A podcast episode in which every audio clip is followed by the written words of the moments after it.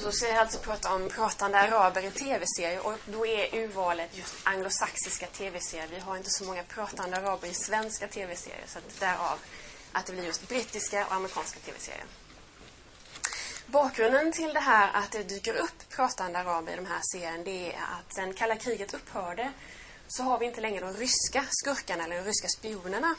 Och sen den, eh, 20, eller den 11 september 2001 med attacken mot World Trade Center så har då araberna kommit fram som ett nytt alternativ till skurkar. De har alltså ersatt ryssarna helt enkelt.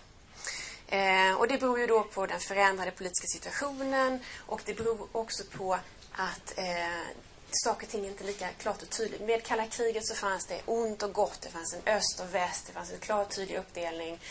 Det som utmanar med de arabiska skurkarna är att den här uppdelningen finns inte. Det är inte lika självklart vad som är ont och gott. Eh, det man däremot jobbar med och som utmanar i de här serierna det är att de är, är något slags diffust hot. Man vet inte var, riktigt var de kommer ifrån. Man vet att de tillhör kanske arabvärlden. Man buntar gärna ihop muslimer och araber i samma kategori dessutom. Och man får inte alltid riktigt veta vad som är deras ideologiska bakgrund. Så att de har alltså även på så vis en viss diffus eh, personlighet i jämförelse med de ryska skurkarna då. Eh, I det här materialet, eh, som då är tämligen nytt, så har man då använt sig och låtit sig inspireras av just terrorattacken mot eh, World Trade Center. Men det har också varit bombdåden i Madrid och Bali, eh, invasionen av Irak. Och så dessa självmordsattacker som ofta förekommer till exempel i Palestina, Israel och i Irak. Eh, men man har också låtit sig inspireras av Sarin-attacken i Turkiets tunnelbana som alltså inte har en arabisk koppling från början. Eh, däremot så är mina exempel inspelade innan bombdåden i London och innan PLO-ledaren eh, Yassir Arafat gick bort och även utrymningen av Gaza. Så därför finns inte de händelserna med än, men de lär ju dyka upp i tv-serier och filmer som kommer. Och då är frågan vilka de här tv-araberna är. Eh, det finns ju de som är självklart onda, de riktiga skurkarna. De har ett ont uppsåt och de drivs av personligt hat, av hämndbegär och de styr och utövar makt över andra människor, alltså driver dem till att begå onda handlingar. Eh, det gjordes en serie som heter Terrornätet som är en amerikansk och brittisk samproduktion med agenter från MI6 och från både FBI och CIA som då jobbar ihop i jakten på ett antal terrorister. Och där finns det då en eh, terrorist, storskurken, som heter Mohammed. Eh, och han är en sån där så det inte riktigt fullt eh, framgår varför han gör detta förutom att han är arab och muslim. Men Eh, det är inte helt säkert att det bara är ideologiska skäl. Det kan vara mycket, mycket väl vara något privat, alltså personligt, som driver honom till detta också. Han övertalar i alla fall ett antal unga pojkar att, begå, eller att bli självmordsbombare. Han utlovar att de ska komma till himlen och eh, lyckas få dem med på att eh, Eh, ställa upp på det här att han får då, eh, då eh, sätta på dem bomber. Och de ska då stå och eh, hälsa välkomna olika ledare som samlas till ett OPEC-möte. Så att alltså, de får en väldigt betydelsefull roll på det viset att de ska stå just vid ett OPEC-möte. Den här Mohammed han lyckas dessutom övertyga en egyptisk läkare i sin sorg efter sin döda syster att också då plantera en bomb vid ett annat sånt här viktigt möte. Eh, där det ska då ske förhandlingar mellan västerländska ledare och arabiska oljemagnater. I den här serien ska påpekas så finns det alltså även andra skurkar. Det är en till exempel en amerikansk terrorist som har rötter i Kazakstan och det finns en malaysisk torped. Så att den här serien eftersträvar att inte bara använda sig av det arabiska eller muslimska utan att det finns alltså en viss ambition att se lite längre än till att bara skuldlägga araber. Så finns det då lite mer ambivalenta skurkar, de som kanske skiftar från ont till gott eller har lurats att begå onda handlingar. Och då finns det en, en brittisk serie som heter Spooks eh, som är då ett antal agenter på MI6 som eh, hanterar olika politiska situationer som uppstår i, eh, i England. Och eh, vid ett tillfälle så är det då en eh, arabisk man som kidnappar den här huvudagenten som heter Adam. Han, de eh, kidnappar hans fru, håller hon, henne fången. Och den här arabiska mannen skickar då en kvinna vid namn Katira att förhandla med Adam. Eh, Och vad, anledningen till att Katira då ska övertyga Adam, det är för att hon i sin tur ska kunna komma in i ett sånt här viktigt möte igen, där hon då bärare av en bomb inopererad i magen ska kunna utlösa den vid det här toppmötet som hålls i London. Och hon gör då detta inte på grund av att hon är en ond människa utan hon gör det på grund av sorgen efter att ha förlorat hela sin familj i en terrorattack i Irak. Så hon är alltså den enda överlevande och sorgen gör att hon drivs av hämnd. Och därmed så är hon då väldigt eh, lättpåverkad av den här eh, andra mannen som har ett betydligt mer cyniskt och brutalt sätt att se på det politiska skeendet. Eh, så återgår jag då till läkaren i terrornätet. Han är ju då en sån här ambivalent person som då visserligen genomför det här bombattentatet mot de här höga ledarna men inser att det var inte det han skulle göra. Han är ju utbildad till läkare.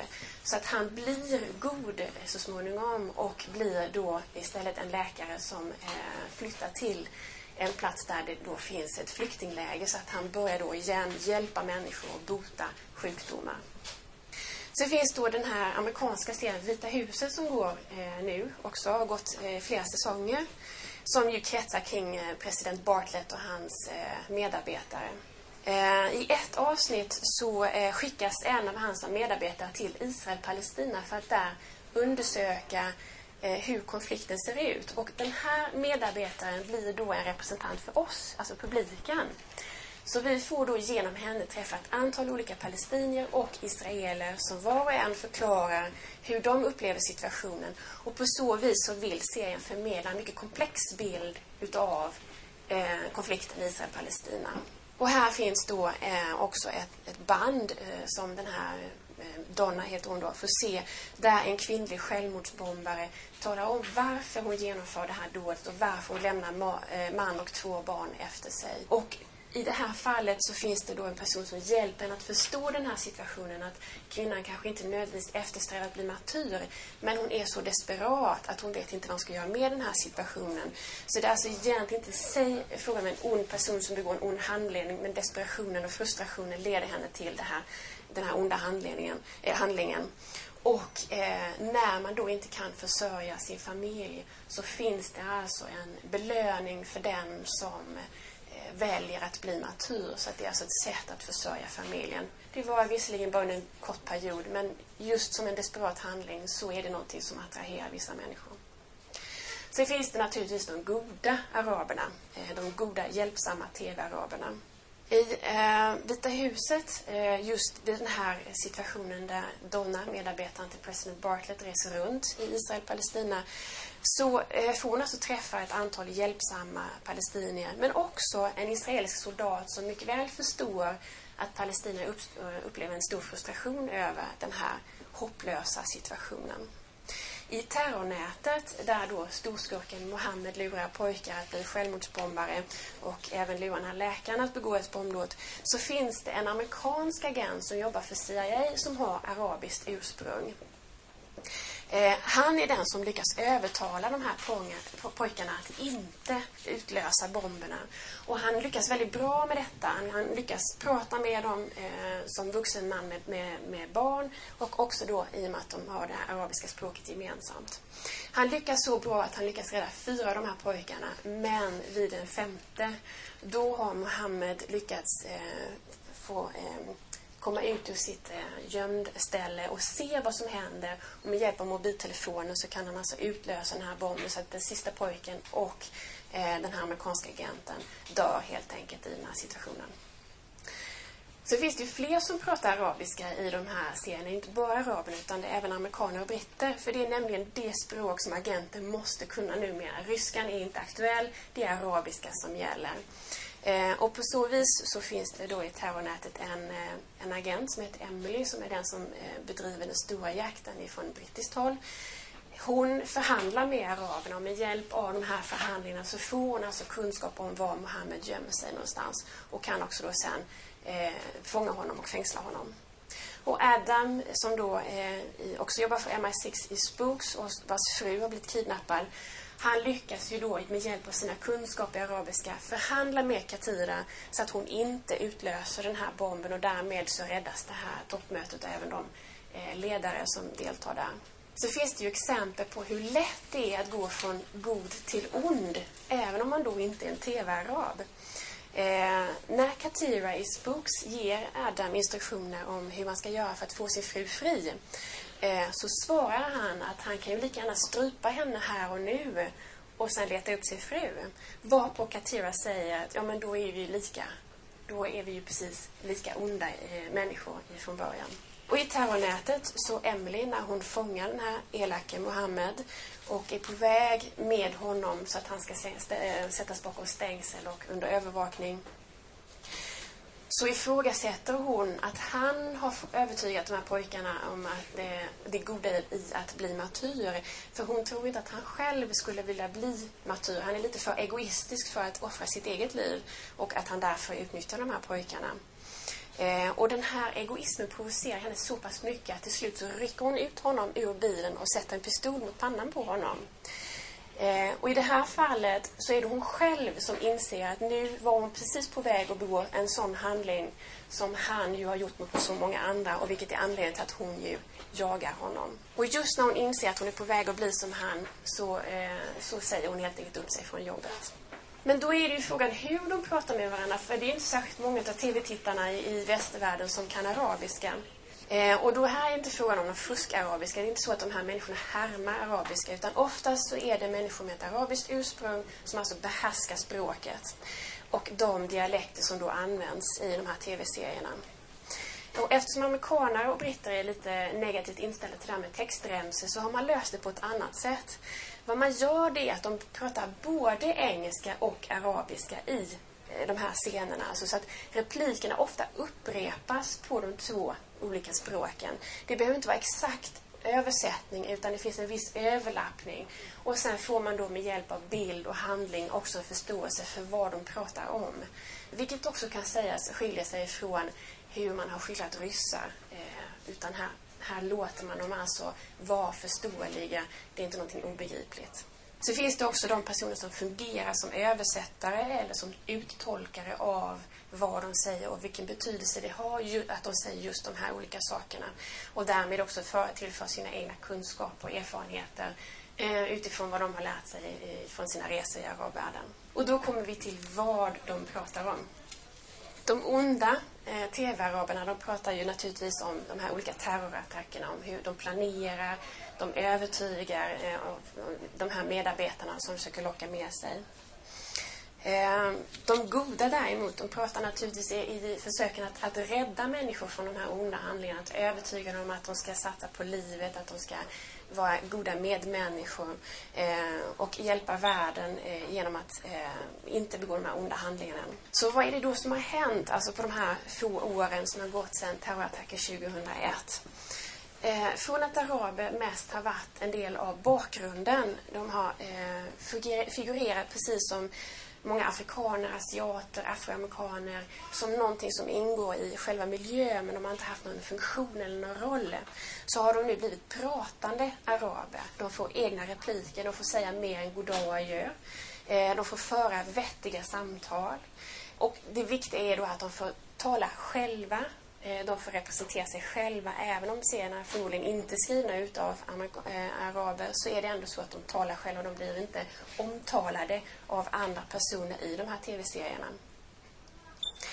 Eh, och det de pratar om här då, det är eh, mycket relaterat till eh, samtida händelser. Så att det finns alltså ett fokus, en angelägenhet om att fånga upp samtida händelser. Det finns ett modernt perspektiv.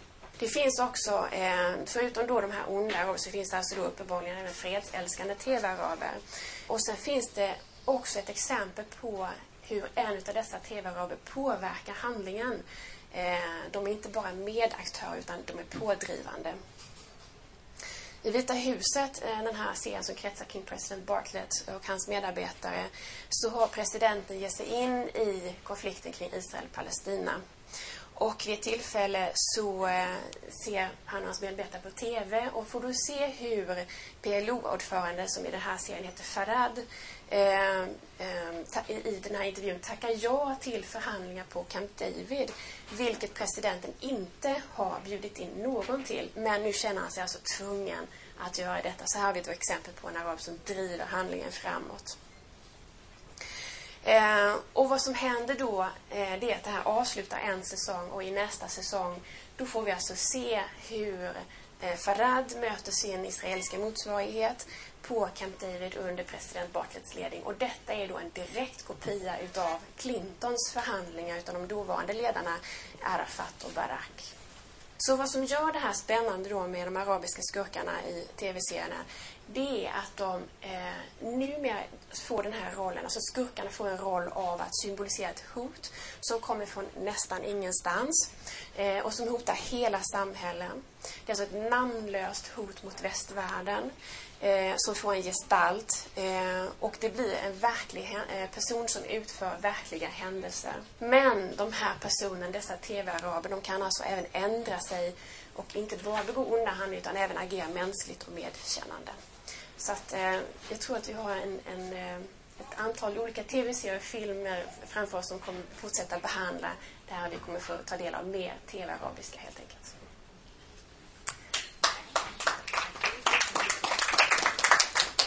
Har ni några frågor? Eh, har du någon aning om hur det är? Liksom man tänker sig, spelas ju in en massa serier i arabvärlden, Indien och så. Vem är skurk där? Det är jag jättenyfiken på. Även i de sammanhangen så finns ju terrorism med som ett tema och eh, där är man alltså inte rädd för att eh, använda sig själv som terrorist mot det egna samhället. Men det är också så att västerlänningar inte nödvändigtvis framställs i god dagar. Den här konflikten som vi ofta uppfattar eh, som att alla araber hatar amerikanerna, den är fel. Den, den har ofta ihop med specifika händelser, till exempel invasionen av Irak, gör att många irakier tycker väldigt illa om amerikanerna. Men det är ju inte någonting som gäller hela arabvärlden eller Indien. Eh, men i filmsammanhang så vill man naturligtvis ta vara på de här spänningsmomenten.